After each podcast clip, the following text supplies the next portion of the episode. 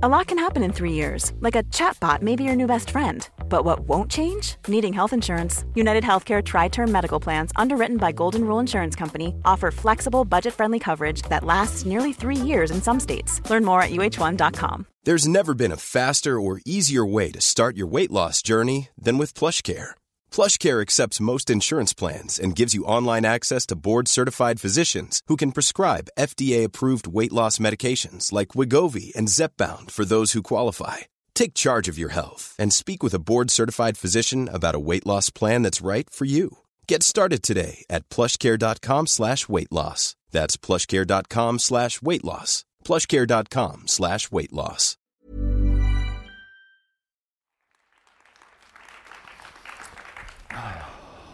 Store sofaer i dag. Deilig. Velkommen til eh, Rekommandert og denne kvelden om eh, antibiotika. Og velkommen hit, overlege ved infeksjonsavdelingen Oslo universitetssykehus og professor i infeksjoner, Dag Berild.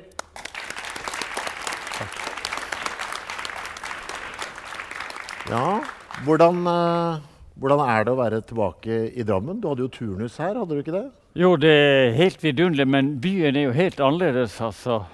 Jeg var turnuskandidat her uh, i forrige årtusen. Og uh, det var jo litt spesielt. Den gangen så var det overlege Liavåg. Han var overlege på kirurgisk avdeling, og han var direktør for sykehuset. Han eide sykehuset. Altså administrasjonen, det var han og en sekretær, og nå er de sikkert 100 som administrerer. da. Men det var helt fantastisk. Og jeg kom jo som usikker turnuskandidat og, og presenterte meg. ja, Dag Berild, sa jeg. Og så sa han Hem, Berild, sa han. Er ikke navnet deres fra Ålesund? Ja, sa jeg sånn. Ingen fordel her i huset. Så det var, det var liksom han i et nøtteskall, da. Og, men han hadde humor, og han beskytta alle sine folk. Så det var arbeidsomt, men det var et godt sted og et trygt sted å, å jobbe da. Men eh, litt sånn seinere ut på året så skulle vi jo gå visitt. Og det var den gangen så overlegen i spissen med oversykepleier og så en hær av hvitkledde folk bak. Og det var sånn tisengsstue da, nærmest. Så var det en gang vi kom, så lå det en pasient som hadde brukket hofta. tror det var Han ropte og skreik. Vi skulle operere han da, eller han skulle opereres. Han ropte og skreik 'Jeg vil ikke opereres! Jeg vil ikke opereres! Jeg er Guds sønn!' sa han. 'Jeg er Guds sønn! Jeg bestemmer, jeg vil ikke opereres!' Så kom det tørt fra Liavåg. 'Ta det helt med ro. Jeg har snakket med deres far, og jeg får lov til å operere dem.' Så sånn, sånn gikk nå dagene i Drammen den gangen. Men altså, når du da sjøl ble overlege, Ja. tenkte du at ah, nå er det min tur til å være konge i systemet? Eller hadde verden forandret seg? Nei da. Altså, tvert imot. Det som var hyggelig med å bli overlege, det er at du har så mange flotte turnuskandidater, assistentleger, som alle tilfører noe nytt. Så du, du er nødt til å, å, å, være på merkene hele tiden, og du lærer noe hele tiden. Så det, det har tvert imot det er ikke noe eh, å trakte etter å ha makt. Det, det som noe å trakte etter når du er lege, det er å ha et godt arbeid og interessere deg for arbeidet, syns jeg. Og det der med å bestemme, det fatter ikke at folk gidder. altså. Eh, Vi skal snart komme til saken, altså, men jeg må bare spørre. Dere gikk jo av på Brakerøya istedenfor Drammen stasjon, altså rett ved det nye sykehuset. ja. Kjente du at det klødde litt i fingra når du så det nye bygget? Ja, det blir jo sikkert veldig flott, det. altså. Så, fordi, men det, det, det gamle Drammen sykehus det ble jo bygd mens jeg var turnuskandidat. Og det sier jo noe om hvor, hvor kortsiktig man har tenkt den gang på kvalitet. altså. Et offentlig bygg bør jo vare mange hundre år, altså. Men, så sånn er det. Apropos 100 år, la oss hoppe rett i det. Eh, nesten 100 år siden, 1928. Da er det en liten eh, Ikke liten, men en litt vimsete lege ved navn Alexander Flemming Ja. som eh, har en god dag på jobben. Kan du si litt om hva slags fyr Flemming var, kanskje? Ja, han var egentlig skotsk. Og så jobba han på St. Marys sykehus i London. Og han var veldig interessert i biokjemi og, og, og var forsker, virkelig forsker. Eh, det han jobba på, det var Han jakta en måte å drepe bakterier på. Fordi det er ingen Altså, det er jo det folk har frykta gjennom alle tider, det er jo infeksjoner. Altså fordi du har store epidemier, og folk døde i ung alder av infeksjoner. Så det var veldig relevant forskning han drev med. Og han fant et, et uh, i, tåre, I tårevæske så fant han et enzym som han kalte for lysosym. Og det var bakteriedrepende. Men det ble ikke så mye mer ut av det. Men så, når man driver og forsker på bakterier, så dyrker vi bakteriene på sånne små, runde skåler. Og så sår vi de ut på, på de skålene. da. Og det Flemming gjorde, han sådde ut noen staflokokkbakterier. De, de viktigste sårbakteriene. De, de sådde han ut på noen skåler. Og så gikk han på ferie, på påskeferie eller sommerferie. skulle han. Og de skålene de ble liggende mens han var vekke. Og mens han var vekke, så ble de skålene med bakterievekst de ble kontaminert. De ble, uh, over, over, det ble overvekst av sopp på de bakteriene. Og da oppdaga Flemming at den soppen som hadde kravla opp på bakterieskålene hans, de kunne drepe bakteriene. Og den soppen den heter penicillium. Og Derfor kalte han det Han regna med at det var et nytt stoff som kunne bli uh, effektivt i medisin, og det kalte han for penicillin. Så altså penicillin et, et, stoff som soppene har funnet opp og brukt for å beskytte seg selv gjennom milliarder av år. sikkert. Altså. Men det er bare en tilfeldighet altså, som gjør at uh, Flemming kommer over? Ja, det var en ren tilfeldighet. Og det var faktisk også sånn at det var en, en, soppforsker i laboratoriet ved siden av. Og det er mulig at det har vært litt sånn spredning av soppen fra det han drev med, over på Flemming sine, uh, sine skåler. Han har også hellet med seg fordi det var en varm det var varmt i London på den tida, og da vokser soppen bedre. Også.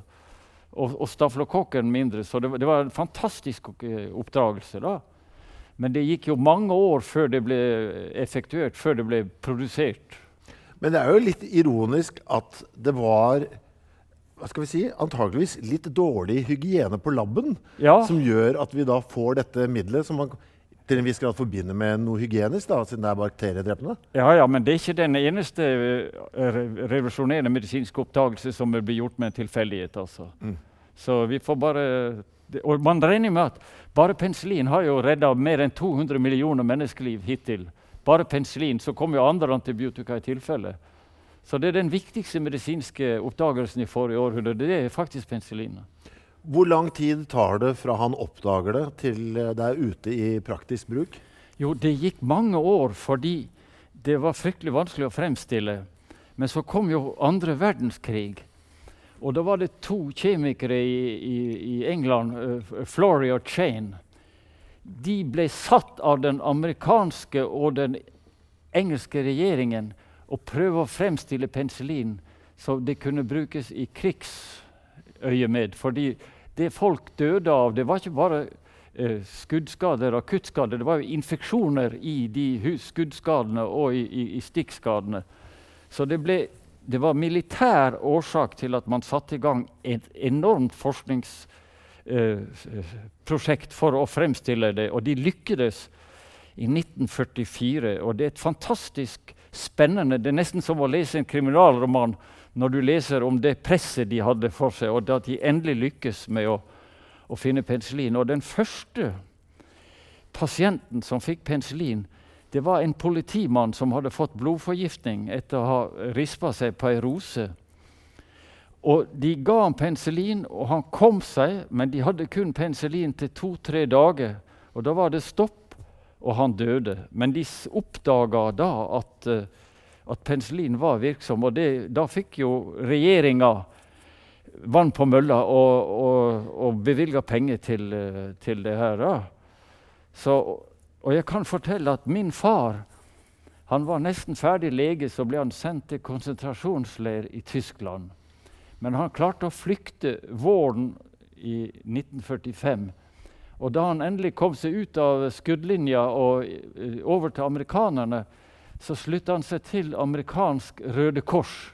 Han kunne gjøre litt nytte for seg der. da. Og de hadde en militær hemmelighet, og det var penicillin. Det var kun amerikanerne og engelskmennene som hadde det.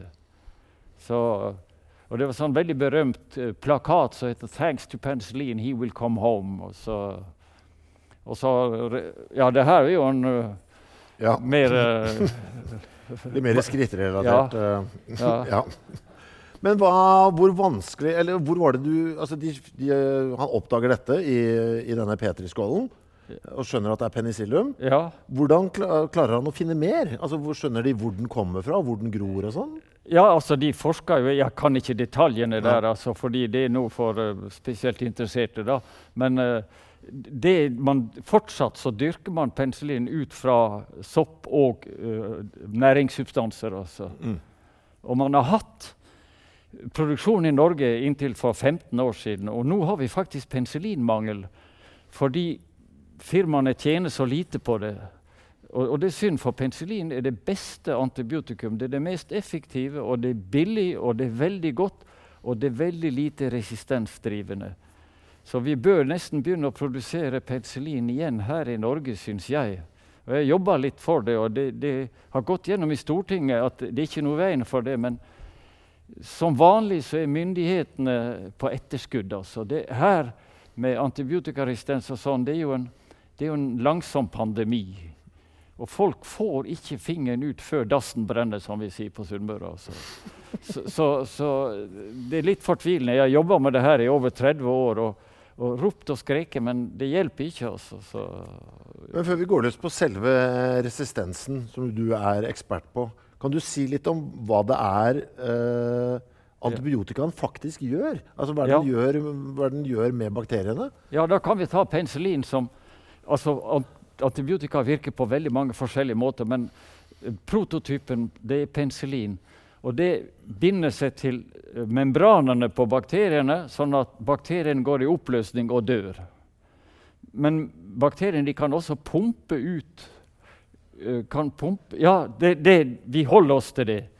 De, de ødelegger membran på bakteriene, Ja, så og så- og så liksom- dør de. ja. Ja, bare går i oppløsning, liksom? Ja, og så kommer resten av immunforsvaret og med hvite blodlegemer og antistoffer og sånn og gjør jobben. Ja. Og de virker ganske raskt. Jeg føler vi må, vi må si litt om hvordan penicillin eller antibiotika skal brukes også. Uh, bare minne folk uh, på Ja. det. Hvorfor er det så viktig dette med at man skal fullføre kurer? Ja, og sånn? Det kommer jeg litt tilbake. Jeg skal vise noen bilder senere. Men altså, stort sett all bruk av antibiotika gir motstandsdyktige bakterier, altså resistens. Antibiotikaresistens det betyr at antibiotika ikke er virksomme lenger. Eh, og hva var det du spurte om? At, Jeg lurer på hvorfor det er så viktig at vi fullfører disse kurene. som jeg Ja, alltid men vet du høre. hva? Det, dette her toucher du inn på et dogme. Mm. Fordi det, ikke så, det har vært god latin til nå at vi på død og liv skal fullføre en antibiotikakur. Mm. Men det er en sannhet ved modifikasjoner. Fordi hvis man går nærmere inn på det, så vil man se at det, det, de eh, altså For det første så er ikke det én kur. One size does not fit all, for å si det på nynorsk. Og, og hvis du går inn i litteraturen og ser på lærebøker og sånn, så er det liksom bibelske proporsjoner over antall dager som blir anf anført du skal ta en kur. Det er enten tre, syv eller ti dager. Og det er vist nå i det siste at man kan klare seg med mye kortere kurer. altså. Men det har vært et dogme at man på død og liv skal fullføre. Men det er klart, hvis du har en mild lungebetennelse og du er bra etter fem dager, så kan du garantert slutte med penicillin. da. Ja. Men i gamle dager så skulle man kanskje tvinges til å, å, å bruke det i ti dager. da. Hva med dette med alkohol og antibiotika? Er det også en myte at vi helst ikke skal drikke mens vi holder på? Ja, i Volda er jo det gjengsk. Ja. Ja, Ja. Men, men jeg, jeg sa det, vi har jobba i København i mange år på sykehus der, og sa men dere må jo ikke drikke når dere tar antibiotika. Da holdt danskene på å le i hjel. Altså. Ja. Ja. Det, det blir mindre eh, trasig å være sjuk hvis du tar et lite glass. Jeg skjønner. Så det er bare å kjøre på. Ja, Nei, det er klart ikke, ikke for full mist, men det, det, det virker ikke det, det, gjør ingenting, altså. Nei? Men du, klart, du skal ikke være kanonfull. Det går ikke. Altså. Ja, For da glemmer du det. Det er vel det Ja, som ja, ja. Nei, men du, Vi må snakke om denne resistensen. Du har eh, laget en powerpoint til oss. Ja. Det er bare å trykke deg framover på den knappen der. Ja. Eh, ja. Og første bildet så står det altså 'Doctors Without Arms'. Er det sånn det er for dere nå? Ja, vi kan risikere det. Hvis utviklingen fortsetter sånn som nå, så kan vi risikere å gå tom for antibiotika. Så det, det der med antibiotikaresistens det er liksom medisinsk klimakrise. det.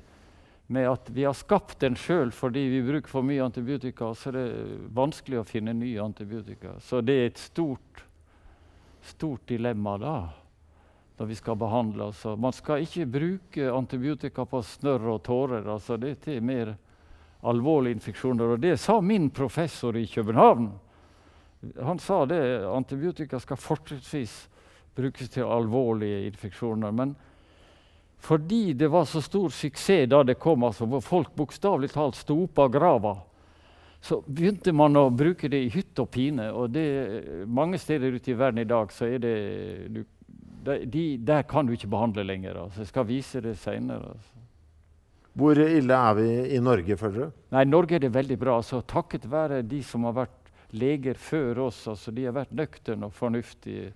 Så det, det, er ikke noe fare i Norge. Altså, men, men, det er klart, du kan risikere å bli smitta av en resistent bakterie hvis du er annet i India eller Thailand eller Syd-Europa. Syd sånn, og ta det med hjem. da, Så. Hvilket land hadde du vært mest bekymret for å reise på ferie til? Nei, det er stort. I Syd-Europa er det trasig, spesielt Hellas, Italia og Spania også, delvis Frankrike. Og ikke minst i Østen. Der får du antibiotika uten resepter. Du kan kjøpe det på torget og sånn. Så. Men en, uh, hvor flinke er disse bakteriene til å reise hvis det er mye antibiotikaresistente ja. bakterier i Hellas? Ja, Kom, hvor, I hvor stor grad kommer de seg hit? Hjelper det at vi er flinke, eller vil de komme hit? Ja, nei, altså, De blir ikke tatt i tollen, for å si det. Nei. Fordi at de, vi blir kolonisert. Vi kan bli bærere fra, uh, av resistente bakterier når vi er ute og reiser. Og de, vi kan ha de i tarmen eller på huden i, i veldig lang tid uten at vi blir syke. Mm. Men hvis vi da blir syke, så kan det hende at vi blir dårlige av en resistent bakterie. Da blir det vanskeligere å behandle oss. Men altså, dere skal ikke være engstelige folk, fordi det, det, det stod, vi er veldig lite resistens i Skandinavia, og i, i eh, Nederland og i Sveits. Tror du det kommer til å holde seg sånn? Jeg håper det, men det krever innsats fra myndighetene. Fordi problemet er altfor stort for oss som leger og sykepleiere. Altså. Men vi gjør en nasjonal dugnad nå for å få ned bruken. Men, men nå så jeg at det har gått litt opp igjen. Altså, fordi det går an å få ned resistensen hvis man reduserer bruken. Mm. Det er liksom det jeg har forska på i over 30 år. Altså. Du får trykke oss gjennom det, Dag. Ja. Den er der. Den der, ja. ja. ja. Altså, uh, take home message det er jo at stort sett all antibiotika fører til resistens. Det er greit nok. Eh, Men jeg syns ikke det er helt uh, oppe i dagen. Jeg. At all antibiotikabruk leder til resistens? Ja, faktisk gjør det det. Uh, men, men, det er Dess mindre du bruker, dess mindre resistens. Altså. Ja, okay. ja, jeg kan, ja. Og så fører det også til en kontinuerlig finanskrise. Det kan jeg komme litt tilbake til. Verdensbanken har sett på det og regna ut at det vil koste fryktelig mange penger. Men det gode er at vi kan reversere resistens. da ved å bruke mindre. Men det krever en global dugnad. Men da er det viktig at vi bruker Gro Harlem Brundtland sitt uh, mantra der med å tenke globalt og handle lokalt. Så det gjør vi i Norge. Og Skandinavia så går vi foran som gode eksempler, så resten av verden prøver å kopiere oss. altså. Men gjør de det? Har du følelse av at de ja, gjør det? Ja, noen steder. Faktisk, De har begynt med antibiotikastyringsprogrammer i, i Europa. Det, og vi var de første som begynte med det. Sverige og Norge. Mm. Så, så, det hjelper å, å, å, gjøre noe. Det blir lagt merke til ute i verden, det, det vi gjør. Når vi var på kongress og sånn før, så det, sa ofte våre amerikanere og andre sånn Look to Scandinavia, they have the only normal bacteria. For de visste at vi hadde lite resistens. Ja. Og det kan du se faktisk på vår ja, vi, vi, vi har stålkontroll på det. Ja. ja. Vi vet nøyaktig hvor mange gonoré-pasienter som har resistente bakterier, f.eks. Ja. Er det sånn? Uh, for jeg syns gonoré ofte blir trukket fram. er det en sykdom som er spesielt mottagelig for å bli resistent, eller? Ja, faktisk. De blir veldig lett resistente gonoré-bakterier. Så gutter, ikke noe, tur, ikke noe sextur til Bangkok nå, vel? Ja, for det er den ultimate ja, fordi der, uh, der får man gonoré bare man går på gata, er ikke det sånn? Jeg forstår. ja, du får hoppe oss videre, Dag. Ja. Skal vi se, det var den der, ja. Ja, her står det Gonoré er en tikkende bombe. Og det lyder litt kryptisk. Altså, du dør jo ikke av en gonoré. Men eh, problemet er jo at eh, det er 80 millioner tilfeller av gonoré per år. Og seks er kommet for å bli. Det er vi enige om alle sammen. ikke sant? Så 80 millioner tilfeller av gonoré. Og de gonorébakteriene blir veldig fort resistente.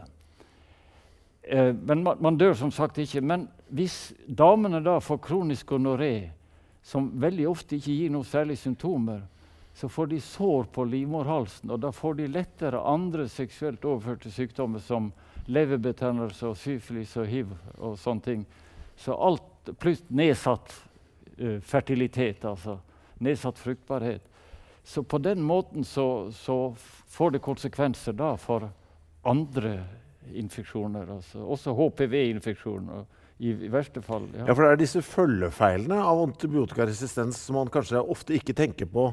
For eksempel, jeg vil jo se for meg at for det å behandle kreftpasienter. Eh, det kan jo, altså når du allerede da svekker immunforsvaret Ja, det er jo, ja du har helt rett, Kristoffer. Fordi eh, ca. En, en, fjerdedel av våre pasienter som får kreftbehandling, eller en femtedel eller en fjerdedel, de får, slår vi ned immunsystemet sånn at de blir sårbare for infeksjoner. Og da må vi ha antibiotika. fordi hvis, hvis, vi mister antibiotika, så kan vi ikke fortsette med den avanserte kreftbehandlingen vi har nå. da. Nei.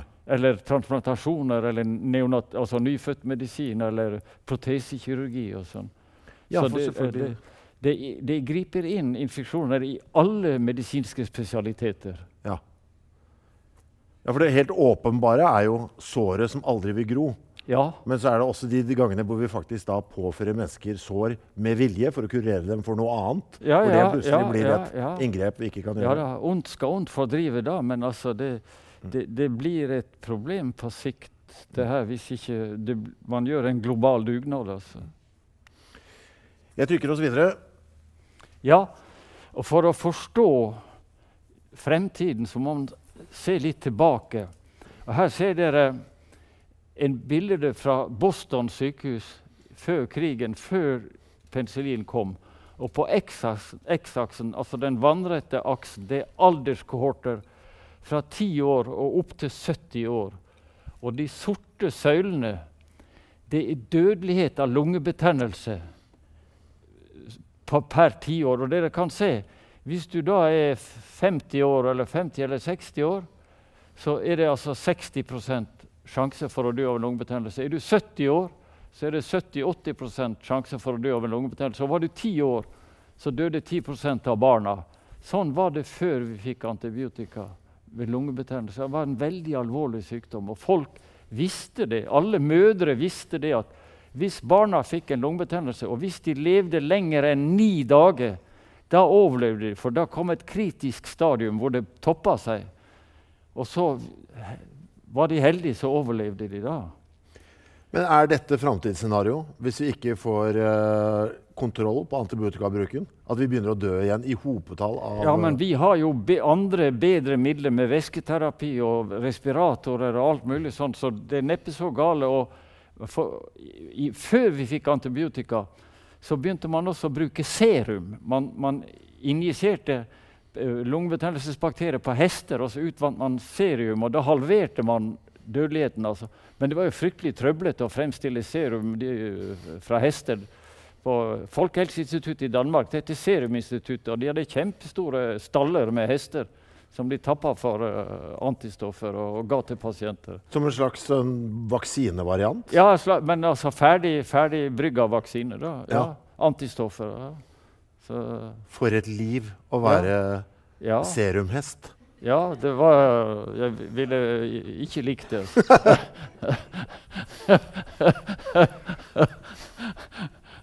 ja. Her har vi altså en graf som viser eh, ja. sjansen for å overleve. Ja. Det er altså vår gode kollega Bjørn Blomberg i Bergen, som nå blir professor. Han har undersøkt dødeligheten ved blodforgiftning på barn i Tanzania. Og den øverste blå linjen den viser overlevelsen når pasientene fikk riktig antibiotikum. Og den gule linja viser at nesten 70-80% av de barna hvor det var resistente bakterier, om man ikke hadde riktig antibiotikum, så døde altså 70-80% av barna. Og han er en av, de første som har vist virkelig hvor ille det kan gå når man uh, får mye resistens. Vet du når disse tallene er fra? Hvor nye de er? Ja, Det er vel ca. ti år siden. eller noe sånt. Han, han, han, det er veldig, veldig, Nå har jeg forenkla figuren, da, men han er sitert overalt i verden. Altså. En, og han fortsetter med forskningen der nede. Har fått uh, mange doktorgradsstipendiater på gang. Men uh, er dette med antibiotikaresistens først og fremst et problem uh, der vi er mange mennesker samlet? Eller er det sånn at det er mindre av det på landsbygda f.eks.? Er det sånn, litt sånn byaktig eller tette folkesamlinger? Ja, det har, det, for å si det på en måte, at det er et fattigdomsproblem. Der hvor folk bor tett, har dårlig ernæring, og, og, så smitter de selvfølgelig hverandre bedre. Og hvis de ikke har rent vann og avløp, så, så vet dere hvordan det er. Og det Er klart, er du drosjesjåfør i, i New Delhi, og du forsørger familien, og du hoster og får litt feber, så hiver du jo innpå noen penicillintabletter, og så kjører du på jobb. altså. Så, så det, det, er veldig multifasettert, det problemet. Men globalt er det opplagt et fattigdomsproblem. Også et problem med dårlig, dårlig viten, altså. Mm. Så du har helt rett, altså. Det men er det på myndighetsnivå eller er det på legenivå at uh, kunnskapen er for dårlig? Nei, på legenivå er det bra nå etter hvert. Du kan ikke unngå det. Men så har du kanskje Men myndighetene, selv i Norge, så har de vært veldig trege til å reagere. Altså. Mm. Og vi har, fikk en handlingsplan mot antibiotikaresistens for syv år siden. Den ble ikke forlenga nå av nåværende regjering, men det og det er veldig trist, altså. Så vi i fagmiljøet vi har jo sagt fra, men det er vanskelig å komme igjennom. Altså, politikere tenker til neste valg, de tenker aldri til neste generasjon. Hva var det den handlingsplanen gikk ut på? Ja, Det gikk ut på at vi skulle redusere bruken av antibiotika med 30% i Norge. Både i allmenn praksis og i sykehus. Og vi rakk det målet, faktisk. I, i 2020 var vi nede. Men så har det gått litt opp nå, fordi jeg vet ikke hvorfor. Men presset Når du ikke har noe å forholde deg til, så sklir det ut. Altså. Og vi leger kan garantert også bli bedre. Vi kan ikke bare skylde på andre, men stort, det er et ledelsesproblem. Og det er ikke bare helseminister, det er forsvarsminister, det er finansminister, det er sosialminister eller hva det er. Det er mange departementer, landbruksdepartement alt mulig som er involvert i det her. Eh, men norske landbruka øh, de har ikke vært så aller verst? har jeg skjønt. Nei, de har vært fantastiske. Altså. De, eh, I hele tatt Skandinavia har vært ledende når det gjelder å avskaffe bruk av antibiotika til dyr. Altså. Det, norske bønder bruker ingenting. Altså. Mm. Det er helt fantastisk. Altså.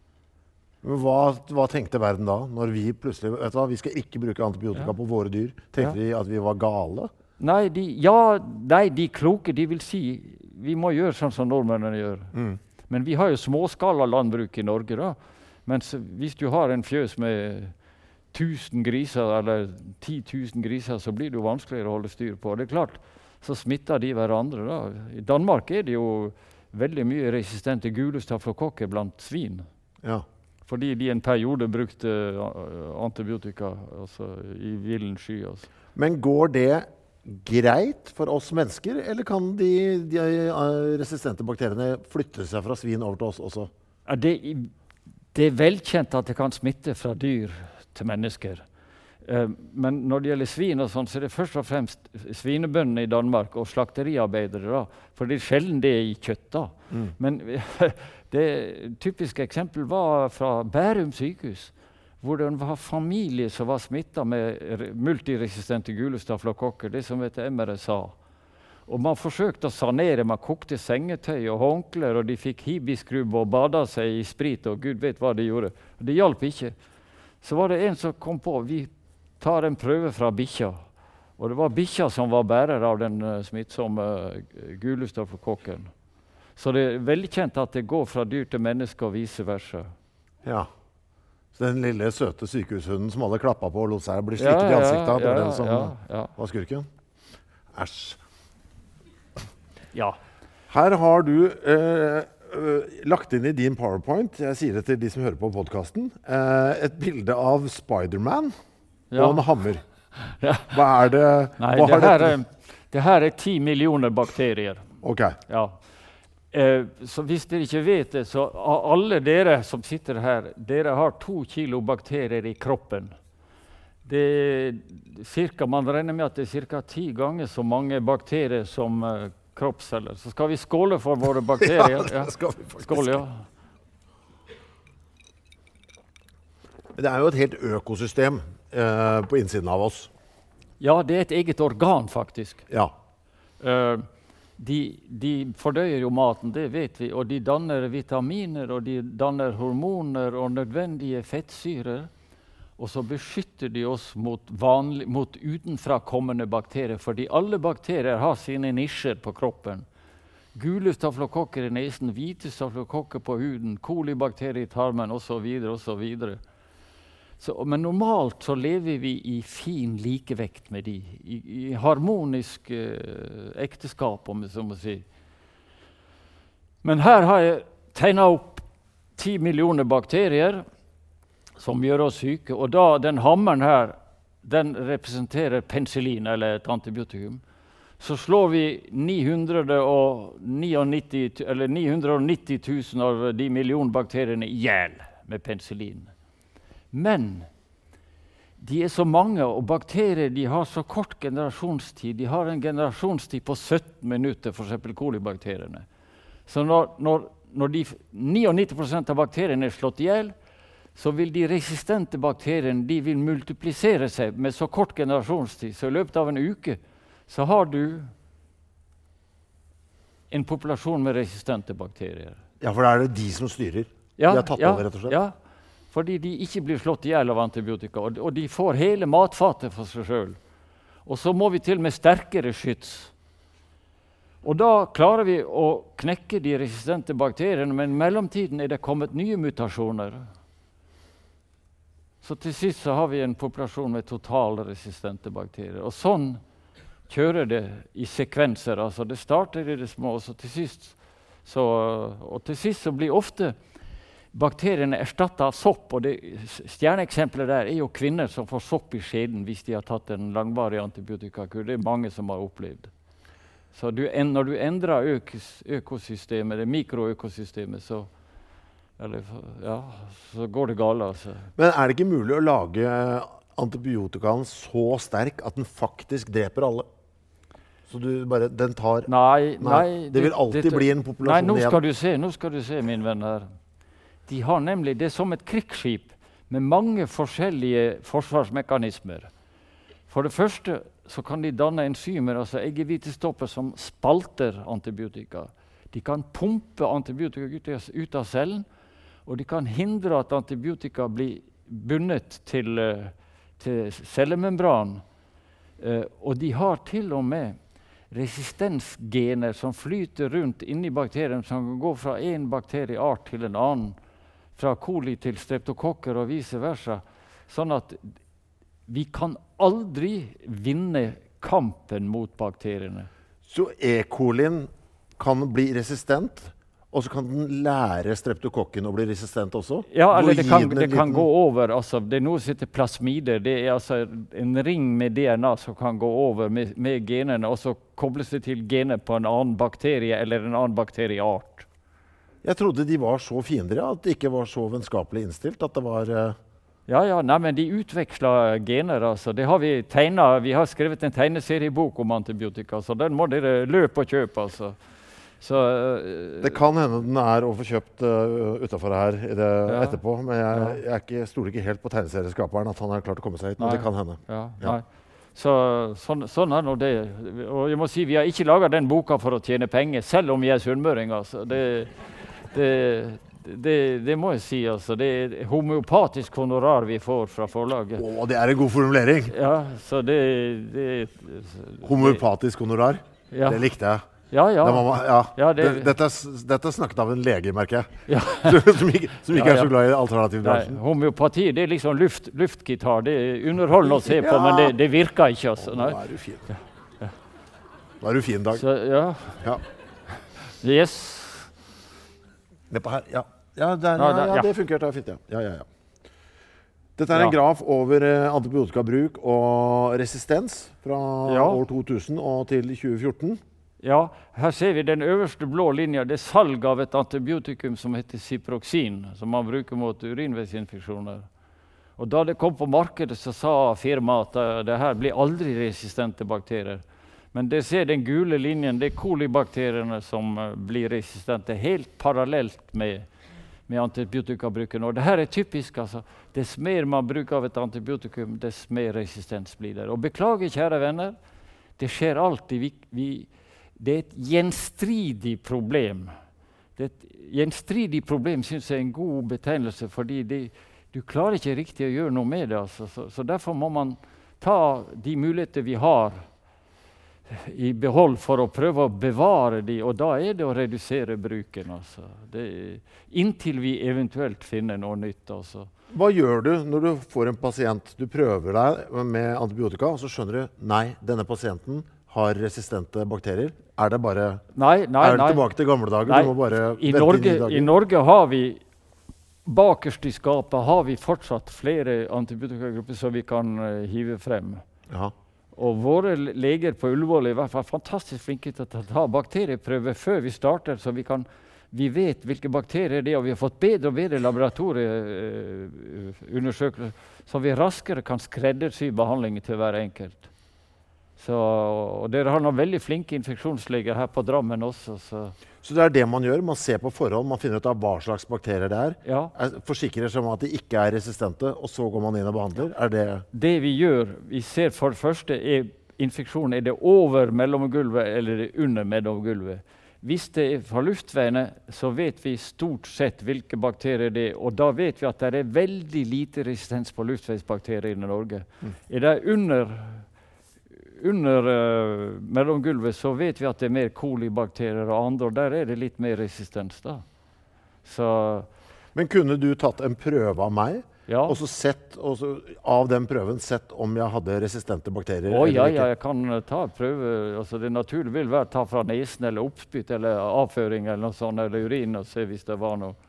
Så, Men disse som du sa dere hadde liggende bak i skapet, ja, når noen er resistente resistente mot en bakterie, ja. hvor, hvor mye har vi i skapet? har vi mange Jo, vi har det vi trenger. Ja, okay. ja da. Du, du har Totalresistente bakterier er veldig sjelden i Norge, men de, de banker på døra. altså. Men de fins der ute? Ja, de fins der ute, og vi har sett det her. altså. Men det er stort sett import. da. Ja. Pakistan, eh, Thailand, så India. Så, og hvis det kommer en dårlig pasient fra Pakistan eller India, da går vi bakerst i skapet. Og så begynner vi med det, og så ser vi etter et døgn eller to når vi får svar fra laboratoriet, om vi kan gå inn til vanlig gammeldagse antibiotika. Hvis jeg har en eh, resistent uh, bakterie eh, som det ikke fins noe antibiotika mot, Ja. har jeg det for alltid? Nei, det er det fine med at naturen ordner opp. fordi veldig ofte, hvis du da ikke får en ny eh, antibiotikakur, så ser det ut som de, de følsomme bakterier vinner over de resistente, for det krever energi å ha resistens. Ja. Og i løpet av noen måneder eller et halvt år eller noe sånt, så er, er det mulig du har etablert en normal bakterieflora igjen. altså. Og da kan man prøve seg på nytt. Ja, ja, ja. ja. Ja. Så det er noen veldig relevante spørsmål. Da skulle tro du var lege, Kristoffer. Ja. Jeg er bare generelt vettaskremt. ja. Det er bare der det ligger. Ja. Her har vi bare Dere skal ikke se på detaljene, et dårlig slide. Men her ser dere bruken av antibiotika i forskjellige europeiske land. Og Norge på dyr. Norge er det landet som bruker desidert minst antibiotikabruk. Og det her er noen år gammelt. da. Men altså sånn som i Belgia, Tsjekkia, Ungarn, Nederland, Spania og sånn, så øser de ut med antibiotika i dyr. Og så blir de dyrebakteriene resistente, og så går de over til oss mennesker. Altså. Så det der er direkte uetisk å bruke det. Og de har begynt med det der etter krigen på 50-tallet for at de mente at antibiotika kunne være vekstfremmende, sånn at oksen veide et halvt kilo mer eller kyllingen 20 gram mer. Altså, så det er ren uh, grådighet. altså. Men det er vist nå at hvis dyra får godt fôr og gode leveforhold og god genetikk, så de, veier de like mye uten antibiotika. Så norske dyr eller skandinaviske dyr de får ikke antibiotika eh, sånn for å, og foreby- eller for å øke vekten. Men for å øke vekten, for en rar idé. Ja, det er en mystisk idé. Det er ingen som forstår det. altså. Men altså, de begynte en gang på 50-tallet. Jeg har ikke satt meg så godt inn i det, men det, det er fortvilende. Og det verste av alt er at halvdelen av verdens antibiotikabruk det er til dyr. Og stort sett i matproduksjon. I matproduksjon, ja. Så man brukte det i laksenæringen, men der har uh, man vaksinert seg ut av problemet for uh, 30 år siden. da. Men man brukte 46 tonn antibiotika på laks i Norge i 1988. Uh, har Gikk det rett ut i vannet, eller? Ja, de gikk, eh, laksebaronene gikk rundt og kasta antibiotika i sjøen. Altså, du vet det altså, Ja, hvor dum kan man være? ja, ja, så Vet, du vet du noe om det fikk noen følger for dyrelivet? At det plutselig var liksom Nei, jeg vet ingenting om det. Men, men det var jo uetisk, og det var ureglementert. Og det ble jo ulovlig altså, når man endelig fikk ut fingeren da. Lurer på hvordan det har vært å bade i en sånn uh... Ja, nå ligger det på havets bunn under de gamle merdene, og det brytes ikke ned. Altså. Og det kan jo gå videre til fisk og til andre ja. Kryp i, i, på havbunnen. Altså. Så det, det var Men det, det, det er jo heldigvis slutt da. Men nå har de jo lyseproblemer, da. Så. Ja. Det er altså, for å si det, Antibiotikaresistens det er altså nåtidens mareritt. Og det er på vei til å bli et mareritt i Skandinavia også hvis vi ikke tar oss sammen. Og så står det der er ingen nye antibiotika, og FP med utropstegn det betyr 'for pokker'. Altså, ja. Men hvor, det er ingen nye antibiotika på vei? Prøver vi ikke å lage nye? Jo, man prøver å lage det, men for det første er det vanskelig, og for det andre er det forferdelig dyrt, og for det tredje så farmasøytisk industri har abdisert. De tjener jo mye mer penger på å gi en kolesterolsenker eller en lykkepille, en potenspille eller alt mulig uh, sånn. Og de vil ikke produsere uh, antibiotika som folk, sk- eller medikamenter som folk skal bruke minst mulig. Så det man gjør nå, er man kikker etter nye forretningsmodeller hvor man vil prøve å koble salgsvolumen fra fortjeneste. Det blir en helt ny, omvendt måte å tenke på. Men jeg tror man blir nødt til det på sikt, med mindre man finner på noe helt genialt. altså. Men er det Eh, ingen nå som driver og produserer nye Jo, vi driver, med det, vi driver med det i Norge også. Ja. Og jeg inv- i sånn styringsgruppe hvor vi har funnet et sinkmolekyl eh, som vi kan binde til eh, noen antibiotika som er veldig virkningsfulle. Men vi, vi har fått kanskje 50 millioner. Vi mangler 800 millioner kroner for å fullføre studiene. og gjøre... Vi har gjort museforsøk og sånn, og det er bra. Men å gjøre studier på, på mennesker, det er veldig dyrt, altså. Hvor ofte er det vi får nye antibiotikaer på markedet? Ja, du, det skal jeg vise deg. Her ser vi en kurve med årstall på X-aksen, altså den vannrette aksen. Og de blå søylene det er antall nye antibiotika som har kommet fra 1940-, 50-tallet, 60-, 70-tallet, 80-tallet. Og dere ser at Men Dag, dette, her, dette går jo ikke. For her, disse sølene, på de tallene som skal stå på de sølene, de skal jo være tresifra. De er jo ensifra alle sammen. Ja, de er ensifra, ja. Vi fikk ni antibiotika, I, på 50-tallet, ja. som var det beste, og det var det beste tiåret vi hadde. Ja, fordi da, da var det så mange muligheter. Altså, veldig mange av de antibiotika vi har, det, det er naturlige substanser som man har funnet i forskjellige sopp og jord, jordprøver. og alt mulig sånn. Så da gikk det veldig bra. Men Hver det- gang det kom en ny resistent bakterie, så hadde farmasøytisk industri en, et nytt antibiotikum. Men så var det i bruk et stykke tid, så ble det resistens mot det, og så kjørte mølla. Mer og mer resistens. Og dere kan se, det er over 30 år siden det siste reelle nye antibiotikum kom.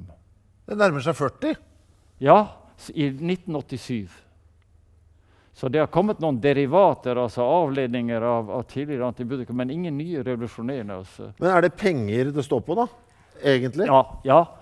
Så det man håper på, er jo en fusjon mellom offentlig og akade, altså akademia og industrien.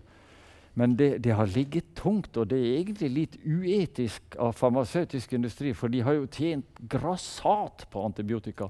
Men det er jo bunnlinjen som teller for de. Så det, det er noe dritt, altså. Ja. Jeg husker jo med glede når eh, regjeringen sa at eh, Internett måtte regnes som samfunnskritisk struktur. Ja. Jeg ville jo tro at antibiotika burde, eller skulle vært på den lista. Er det kanskje ikke det? Ja, etter mitt skjønn og så er antibiotika et fellesgode som vi alle har. Fordi vi har bruk for det fra fødsel til død. Og det vi gjør nå, vi bruker opp et fellesgode sånn at våre etterkommere, våre barn og barnebarn, ikke har noe. Så det er på en måte et etisk spørsmål mellom generasjoner. Jeg ser på det som et samfunnsgode på linje med motorveier og skoler og forsvar og fyrlykter, for den del. Altså. Det er noe vi alle har glede av. At det er en del av vår infrastruktur, vil jeg si. Det er en del av Og alle andre medisinske spesialiteter, fra gynekologi til øyesykdommer og øre-nese, hals og sånn, kreft, barnesykdom alt. De, antibiotika ligger alltid De får alltid bruk for antibiotika. Nå ser jeg disse grafene ikke sant? hvor det var en eh, topp eh, på 50-tallet med ni eh, som Ja. ble utviklet. Og så fem på 60-tallet, fem på 70-tallet og så to på 80-tallet. Ja. Hvis du kunne bare styrt dette, Dag, ja. Og sagt at uh, på 2020-tallet så skal vi ha Ja. så mange nye antibiotika, hvor Ja. mange sagt, hvor mange burde vi produsere i tiåret? Nei, vi burde i hvert fall ha to typer mot En type mot luft, de over, over eh, mellomgulvet, og, en for tarmbakterier og sånn. Men det, det, det, det er vanskelig å si, men vi, vi, vi Problemet er det kan jeg komme litt inn på. Altså, det er forskjellige typer antibiotika. Det er noe vi kaller for smalspektra. De virker bare på noen få bakterier. Stjerneeksempelet er penicillin. Det tar alle luftveisbakterier, men det påvirker ta ikke tarmbakteriene. Derfor er penicillin det ideelle antibiotikum på mange måter. Det er supereffektivt, og det virker raskt. Men så har du det som heter bredspektra antibiotikum, som vi gir til de dårlige pasientene, fordi det dekker mange forskjellige typer eh, bakterier. Men problemet er at de er veldig resistensdrivende. og Det er derfor vi prøver å skreddersy behandlingen for hver enkelt pasient. Så det, jeg kan egentlig ikke svare riktig på ditt spørsmål. Nei, så Vi trenger egentlig mer spesifikke antibiotikaer også. Ja, altså Vi prøver å målstyre vi prøver å målstyre så godt vi kan. Men det var jo et døgn eller to før vi nå får svar på hvilken bakterie det er. Noen ganger kan vi se det direkte i mikroskop, men andre ganger tar det lengre tid. Altså. Hvis det hadde dukket opp et nytt antibiotika i Ja. morgen, Ja, gladnyhet på forsiden av avisene, ja. hvor lang tid vil det ha full effekt før vi kan begynne å få eh, resistensproblemer? Nei, Det kommer an på hvor mye det blir brukt, og hvem det blir brukt på da, og hvordan de hygieniske forholdene er, hvor lett det sprer seg. Det har altså, på sykehus så må du ha en god smittevernpolitikk, altså, sånn at ikke resistente bakterier sprer det. Da. Men den, det eksempelet jeg viste i sted med ciproksin, der tok det jo ikke mange Det tok tre måneder etter vi fikk ciproksin på markedet til den første resistente kolinbakterien var. Tre måneder? Tre måneder, Og så bjølla det på seg, så etter ti år så var jo kanskje 15-20% resistent. Altså. Det varierer garantert mellom antibiotikum og hvilke bakterier du ser på. Det er et deprimerende fagfelt du har jobbet i i dag. Ja, men jeg lever jo av det. Ja. Ja. ja. Ja. Nei, altså, det er klart, det har vært mange frustrasjoner. Jeg var jo veldig optimistisk da for 30 år siden, og ung lege og alt mulig, og det her eh, var noe man kunne gjøre noe med. Men jeg snakka med en journalist en gang, han hadde fulgt meg i mange år. Han sa det Dag, du blir mer og mer uh, var Ikke beskjeden, men uh, rett, uh, pessimistisk. Pessimistisk, sa han. Ja. Fordi det, det, det, hjelp, det, hjelper så lite. og vi, vi skriver jo retningslinjer for allmennlegene og for sykehuslegene, men mange av, av, legene altså, følger ikke retningslinjer, og det syns jeg er for dårlig. Man skal ha like stor respekt for antibiotikum som man har for cellegift. Det skal nøye skrives i journalen hvorfor man gjør det. Og hvis man fraviker retningslinjer, så må man skrive hvorfor. Og der er det mange syndere, altså. Uh, jeg, jeg, ser jo noen ganger journaler fra andre sykehus og fra allmennpraksis, og de river meg i, i mitt fyldige hår. Uh, over, i fortvilelse over hvor, hvor, dårlig det er noen ganger. Men langt de fleste norske allmennleger er veldig fornuftige. Altså. Jeg syns jeg ser klare paralleller til klimakrisen i hele, uh, ja. hele affæren. Bortsett fra at her er det på kortere sikt. Ja, ja. Det, det, er det, det, ønsket om å gjøre noe uh, akkurat her og nå er ikke så til stede. Men, det, Nei, du, men du, ser, du, ser, et problem som ligger ti år fram i tid. Du har helt rett, fordi den engelske regjeringen Eh, englenderne har vært veldig opptatt av det her. Altså, de hadde en fantastisk kvinnelig helseminister som het Sally Davies, og hun ble adla for sin innsats. Og Den engelske regjeringen spurte en som het Jim O'Neill. Han hadde vært sjef for Goldman Sachs investeringsbank i USA. det er verdens største investeringsbank. Han var økonom, og han fikk to, to forskerteam. Og Spørsmålet til Jim O'Neill og hans forskere det var hva skjer i 2050 hvis den nåværende utvikling fortsetter? Og Da har de eh, beregna seg frem til at da vil det dø flere mennesker av resistente bakterier enn av kreft. Det er klart, det her det er bare prognoser, og det, det er en større rapport. da.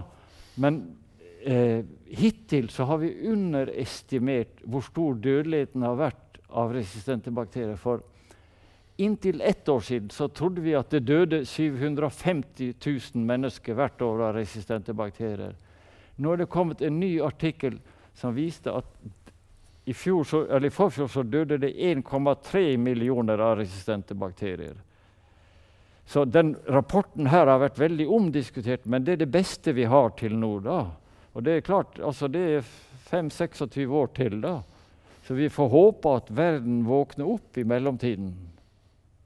Så det er litt trasig, det her. altså. Men også er det jo økonomiske problemer. Det skulle være en dårlig sunnmøring hvis jeg ikke nevnte økonomi. altså. Det, det blir steindyrt, det her. altså. Det blir det virkelig pga. produksjonstap og økt dødelighet. og mer ressurser til diagnostikk og mer, ressurser til uh, sykehus og alt mulig. Så. Er dette Verdens helseorganisasjon da, som må styre dette og få landene til å jobbe sammen? eller hvordan? Ja, De har uh, kommet på banen, og vi har deltatt veldig aktivt fra norsk side. Vi, hadde, vi laga en slags global plan for vel ti år siden. Hvor vi starta i Stockholm, og så gikk vi videre til, uh, til Oslo og til Paris og forskjellige steder. Seks forskjellige steder. Og så lager vi et skjelett som alle land, et slags mal som alle land kan bruke. da. Så, men det er klart det er vanskelig.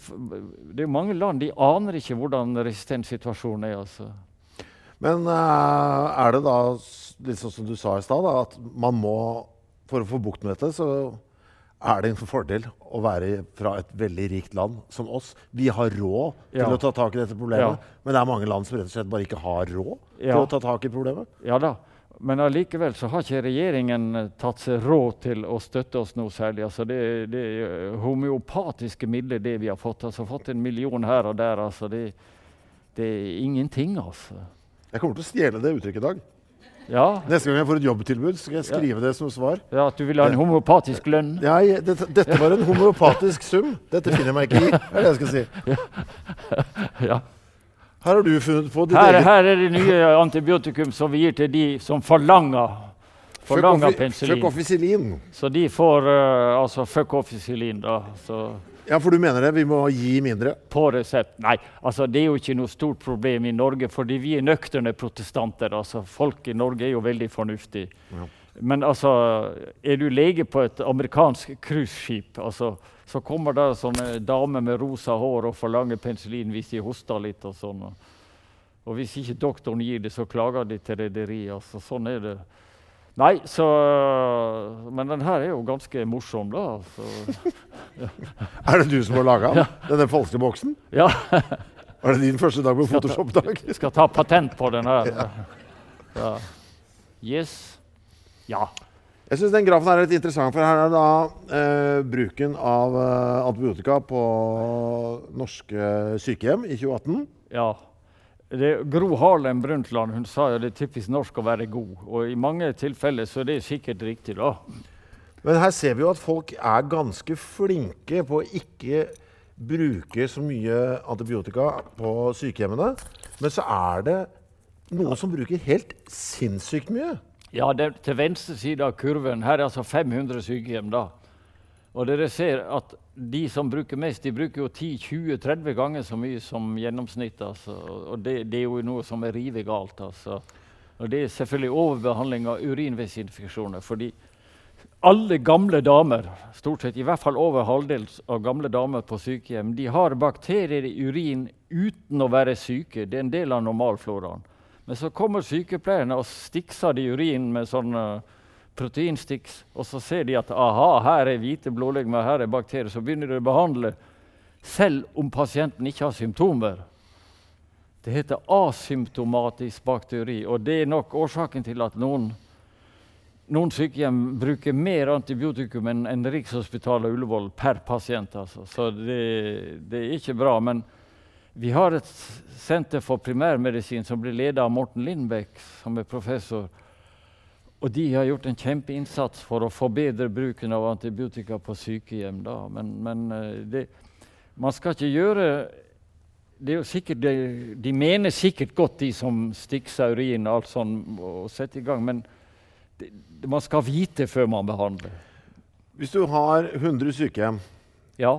97 av de doserer riktig, Ja. tre doserer Ja. helt ute av, Ja. over alle støvleskaft. Ja. Hvor farlig er det egentlig? Hvor stor sjanse er det for at det da bare boom, sprer er seg utover klart. i systemet? ja. For det første så blir jo øh, For det første så endrer du floraen, den normale floraen i urin til mer resistente bakterier. Og så kan det spre seg til andre. Og det gjør det også? Ja, ja så, og det skjer selvfølgelig. Ja.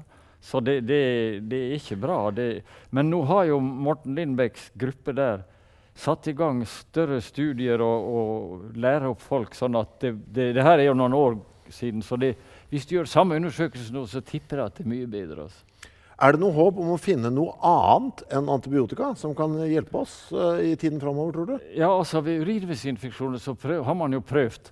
Fordi Hvis dere får en vanlig blærebetennelse, så får man svie ved urin og man skal tisse hvert kvarter. eller alt mulig sånn. Men man dør jo ikke av en urinveisinfeksjon. Det er en ufarlig lidelse, og den går jo over av seg sjøl i 99% av tilfeller. hva vet jeg. Så noen har gjort eh, forsøk med Ibux. Og Den første studien som kom fra Tyskland, den viste at det var like så godt som antibiotikum. Men så gjentok Morten Lindbekk og hans gruppe den studien på legevakten i Oslo. Og de fant at det var litt flere, litt flere som fikk nyrebekkenbetennelse. Så det var ikke helt så vellykka som den første studien. Og det ser man ofte. Første studien er ofte lovende, og når man skal bekrefte studien, så er det litt mer sånn. Så det var ikke så vellykka da, men det var en veldig viktig studie. Også. Og så er det jo kjerringråd, da. altså. Man, man skal jo øh, Hvis man har ofte tendens, hvis man har en blærebetennelse, så er det lurt å drikke mye for å skylle gjennom altså, og håpe på at det går over. Og så har du det der med tranebær. Og det, det vet man at det får bakteriene til å, å bli litt mindre klebrige. De, de, de, de mister grepet på blæreslimhinna. Og det er sannsynlig at det virker da. Men enten må man drikke saft eller ta tranebærstabletter i lang tid. Og det er mest med gjentatte urininfeksjoner hvor man har sett på det.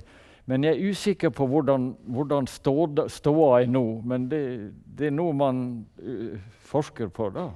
Jeg føler jo at noe man kan gjøre for å hjelpe til på et eller annet vis, er å sørge for at man ikke kommer i situasjoner hvor man trenger antibiotika. Ja. Det er vel i hvert fall, For jeg jo, kjenner jo på et behov for å gjøre noe sjøl ja. også. Ja. Er, det man, hva, er, det noe man kan gjøre der? Ja, så Det er jo veldig lurt å vaksinere seg f.eks. mot influensa. fordi en, influensa er jo en virusinfeksjon, men det baner ofte veien for vanlig bakteriell lungebetennelse.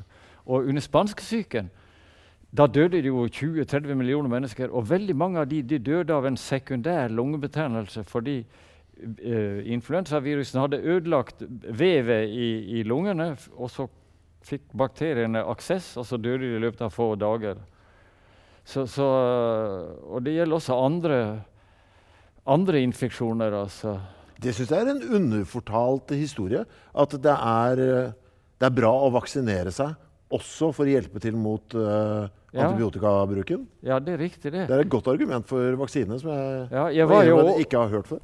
Jeg var jo overlege på Aker i mange år, og det var veldig mange stor pakistansk populasjon i Groruddalen.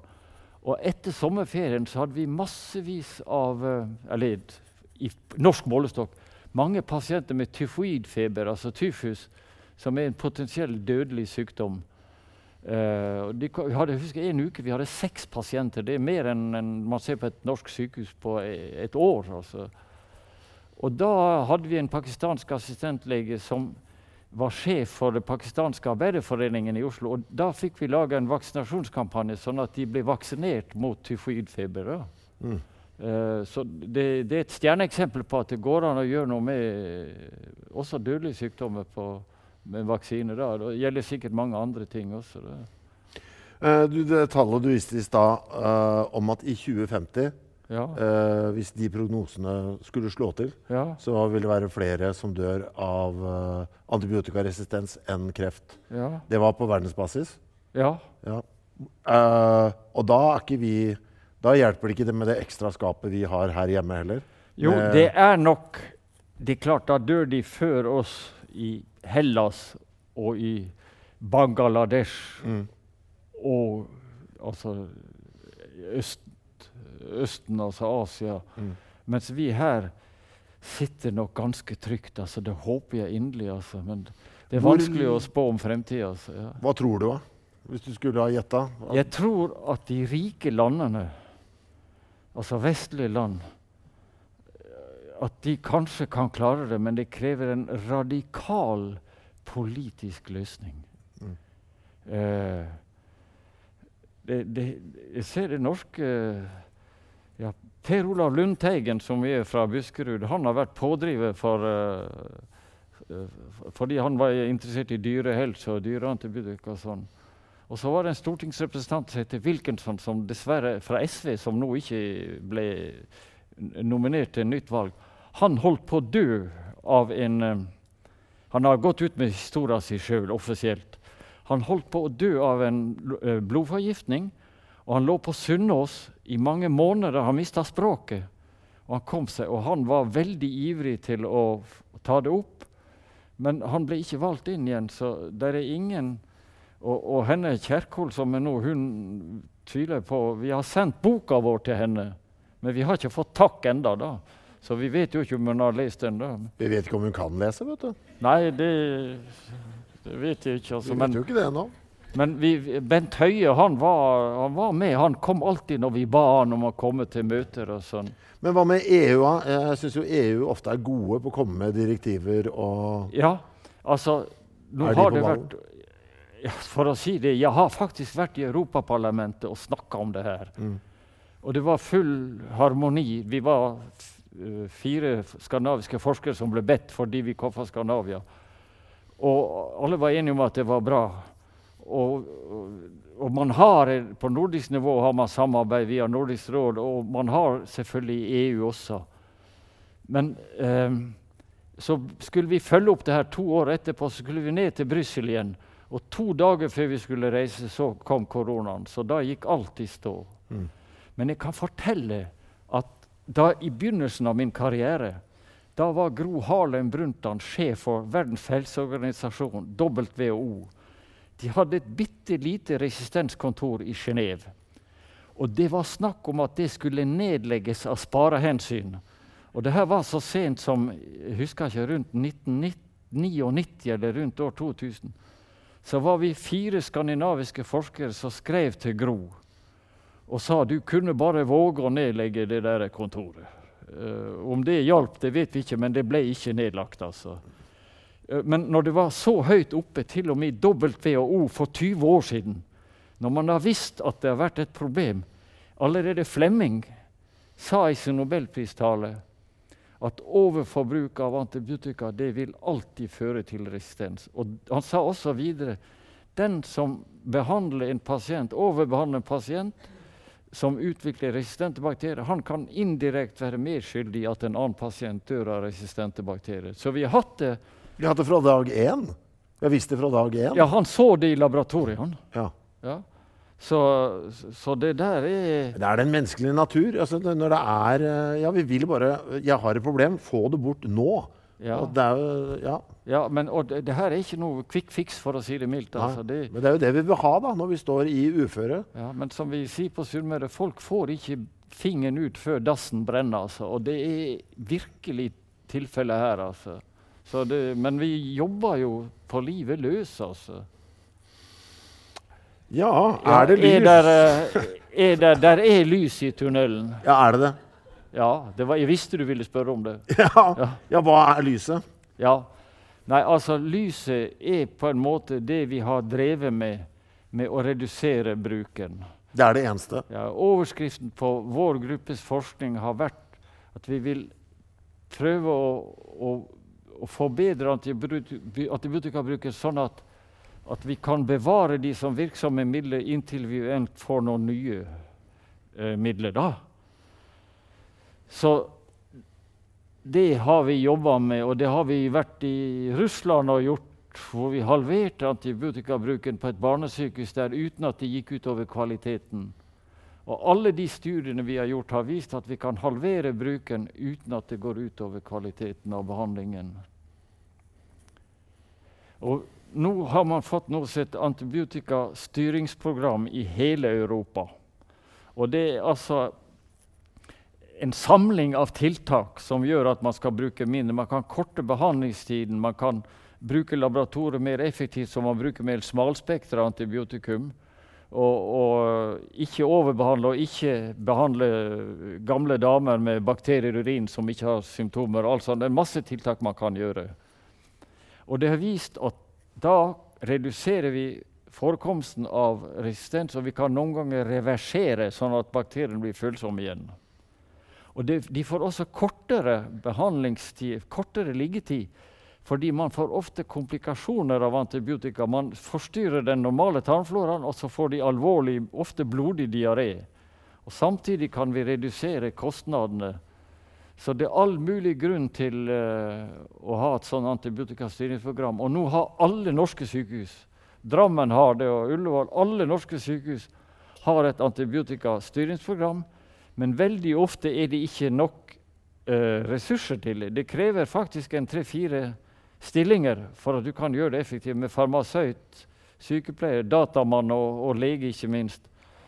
Så jeg var sjef for styringsprogrammet på Oslo universitetssykehus, og det varte lenge før administrasjonen kom med ressurser til oss. da. Jeg fikk en halv stilling, og farmasøyt fikk en halv stilling. og Vi fikk litt småtteri, altså. Men det er blitt litt bedre nå når de har innsett alvoret. da. Så. Men eh, jeg må spørre deg, for nå, jeg, så, jeg så deg i avisa bare senest i forgårs. Ja. Det var en gladsak på nrk.no ja. om at forskere på NTNU hadde funnet noe greier i noe bakterier på hånda eller noe sånt? Noe, som de hadde troa på? Nei, det var i Tromsø. ja. Var det i Tromsø, var det? Ja, ja, ja, det er riktig. Jeg ble satt til å kommentere den artikkelen. Ja, hva er det? For da tenkte jeg yes! Ja. Nå, nå, skjer det noe, nå skjer det noe bra nå her på antibiotikafronten. Ja. Men bare land. for å ta litt av entusiasmen ned. Altså, Ok. fordi, ja, eh, det var altså tilsvarende fra Trondheim for et par år siden. Okay. Og det mange, fins veldig mange substanser som er bakteriedrepende. Det er helt riktig. Også gamle, gammeldagse medikamenter som er brukt for andre ting. Men derfra til at det blir en pille som vi kan ta, som ikke er giftig, og som absorberes i magen og tarmen og går dit hvor den skal, til lungene eller urinveiene eller noe sånt, det er milevis. Altså. Det tar ofte 10-12-14 år, og det koster milliarder av dollar. Men når jeg så under pandemien hvor ekstremt raskt vi klarte å få på plass en koronavaksine, Ja, så fikk jeg sånn Jeg fikk litt håpet, da. Ja. At hvis bare alle, alle samler seg og bare Nå setter vi inn alt vi har av krefter. ja, Så følte jeg plutselig et lite øyeblikk at dette kunne løses. ja. Hvis man bare ja det tror jeg også. Det, det Er det jeg det sikker på. Trenger vi egentlig en enda større antibiotikaresistens, nesten katastrofe, før vi tar tak i det, tror du? Ja, jeg kan, ta, jeg kan jo ta et eksempel. I Belgia de bruker dobbelt så mye antibiotikum som nabolandet Nederland. I Belgia er de katolske, i Nederland er de protestanter, sånn som oss. Og de hadde veldig store problemer med, med resistens. Og Regjeringa gjorde mye, og fagmiljøet gjorde mye, men det hjalp ikke. Men de fikk hjelp av en tidligere James Bond-pike. Hold, hold det fast. En James Bond-pike, dere vet, sånn med høy intelligens og Veldig flott dame. Også. Fordi hun sto frem i fjernsynet og øh, fortalte hun holdt på å dø av en resistent bakterie. Og da våkna den belgiske befolkning opp, og de klarte å redusere bruken av antibiotika eh, for luftveisinfeksjoner med reversering av resistent. Det gikk ned fra 18% til 2% Så det må en kjendis til, eller eh, et Så ditt ønske nå er at Kim Kardashian Ja, skal få antibiotikaresistens. ja, Hun, Trump og ja. Jeg tør ikke si navnet på han som styrer Kina, for jeg er så redd for å si det feil. Men Ja. at, ja, at det er litt kjente personer. Det er det som må til. ja. Ja. Og så at Trump dør av den. da. Ja, ja. Ja, ja, ja. ja. Så det må komme for sent akkurat i det tilfellet? Jeg forstår. Jeg forstår, jeg forstår, jeg forstår. Så ja. Ja, her er fra en artikkel vi hadde i Kapital. Og det er basert på en rapport fra Verdensbanken som eh, de anslår at resistens vil koste jeg kan ikke huske tallet, 3-4% av verdens bruttonasjonalprodukt eh, i tapt, eh, tapte liv og forlenga sykehusopphold og nedsatt produksjon. Altså hvis man f.eks. ikke kan sette inn nye hofter hvis du har slitasje i hofta og har nattlige smerter, så må du få ny protese. Men det krever at man gir antibiotikum under operasjon for å unngå proteseinfeksjon. Og Hvis du ikke kan det, så blir jo folk uføre og dårlige mye tidligere enn en nå. da. Tror du vi går i pluss, er det det du sier? Hvis vi faktisk ikke forsker på dette økonomisk? At vi går i pluss? Ja, økonomisk? Ja, vet du hva? De, de har jo også Jim O'Neill og, og engelskmennene og amerikanerne regna på at hvis vi agerer nå, så vil man høste en gevinst på kanskje mellom, mellom 30 og 60% i forhold til hvis vi lar det skure og gå. Og det er ikke mange businesser som har en fortjeneste på mellom 30 og 60% altså. Men det, det, problemet er hvem har mandat, hvem har ansvar for å koordinere arbeidet mot en global pandemi, som det her jo er. Det er en stille pandemi. Altså FN har ikke mandat, men de har hatt det oppe. Og det har vært takket være skandinaviske forskere at det kom opp i FN. Eh, jeg snakka med Erna direkte på Dagsrevyen, kan jeg huske hun var der. Eh, og det skulle gjøres så bra, men det, det, ja, litt ble gjort, da. Men det, det, må en, må store, koordinerte krefter til. Og Grunnen til det gikk så godt med pandemien, var selvfølgelig det var fortjeneste, enorm fortjeneste for Pfizer og, og de andre som kom med vaksiner. da. Men, men, det må være teknisk mulig å gjøre det. Men det krever som sagt et samarbeid mellom uh, akademia og, og, og, og, enorm finansiering. Altså. Jeg har to spørsmål til deg på tampen. Det ene er hvis vi ikke får bukt med dette, ja. hva er det jeg kan komme til å dø av da, som jeg ikke dør av nå? Ja, det, altså I gamle dager sammen med lungebetennelse det ble kalt den gamle manns venn. Fordi når man var gammel og skrøpelig, så kom Herrens engel og henta det i form av en lungebetennelse. Altså, så døde du av det. Eller en blodforgiftning. Men det var jo også barn som døde tidlig av, av blodforgiftning og av lungebetennelser og hjernehinnebetennelse og alt mulig sånn. Mm. I vår familie hadde vi en gutt som fikk hjernehinnebetennelse da han var fire år. og han, han er lege nå. Mm. Og det ville han ikke vært. Det var 100% dødelighet på hjernehinnebetennelse eh, før. Eller, de få som overlevde, de var jo vrak etterpå. Siste jeg lurer på, er bort, i tillegg til å vaksinere meg, ja. hva er det vi som enkeltpersoner kan gjøre? Nei, for vi må måte jo, Ja, det har jo litt kanskje med livsstil å gjøre. Hvis du ikke røyker, det er det viktigste.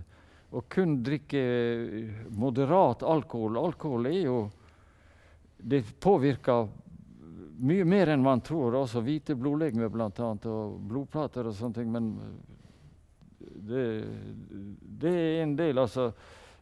Men så er det jo det med overvekt og sånn. Da blir det vanskeligere å behandle f.eks. leggsår og sånne ting. fordi fordi antibiotika går dårligere ut i huden hvis man er overvektig. og sånne ting. Så er, men hvis man holder du, du, hører det, vet du. Her er problemet. For det er alle de kjedelige tingene. Det er det vi må gjøre. Ja. Det er vanskelig å selge inn, vet du. Ja, jeg, Dere må drikke mindre, spise mindre.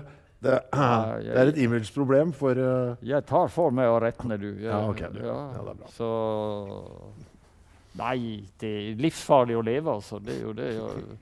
Vi har jo alle sammen en utløpsdato. Sånn er det, altså. Jeg skal si noen ord om uh, neste rekommandert før vi gir oss. Uh, det er da årets siste.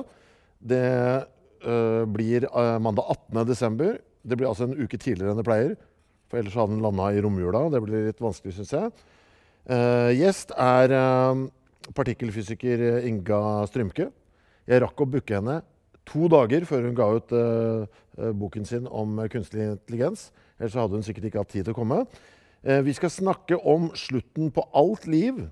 Og da snakker jeg altså om uh, altså selv om Hvis vi da overlever antibiotikaresistensen, vi overlever den kunstige intelligensrevolusjonen som kommer, og når solen slukner, altså når hele universet slutter, hva er det som skjer da? Det fins flere teorier på hvordan universet skal knele eh, etter hvert. Vi skal gå gjennom de. Eh, veldig interessant og ikke minst kjempevanskelig, så det er veldig bra at det er Inga som eh, kommer her. Hvordan vil døden for absolutt alt av det vi definerer som liv, te seg? Ikke bare her på jorden, men overalt. Det er altså mandag 18.12. En koselig måte å avslutte sesongen på, tenker jeg. Nå vil jeg at dere skal gi en stor applaus til dagens gjest, Dag Beril. Tusen takk. Tusen takk. Produsert Henry.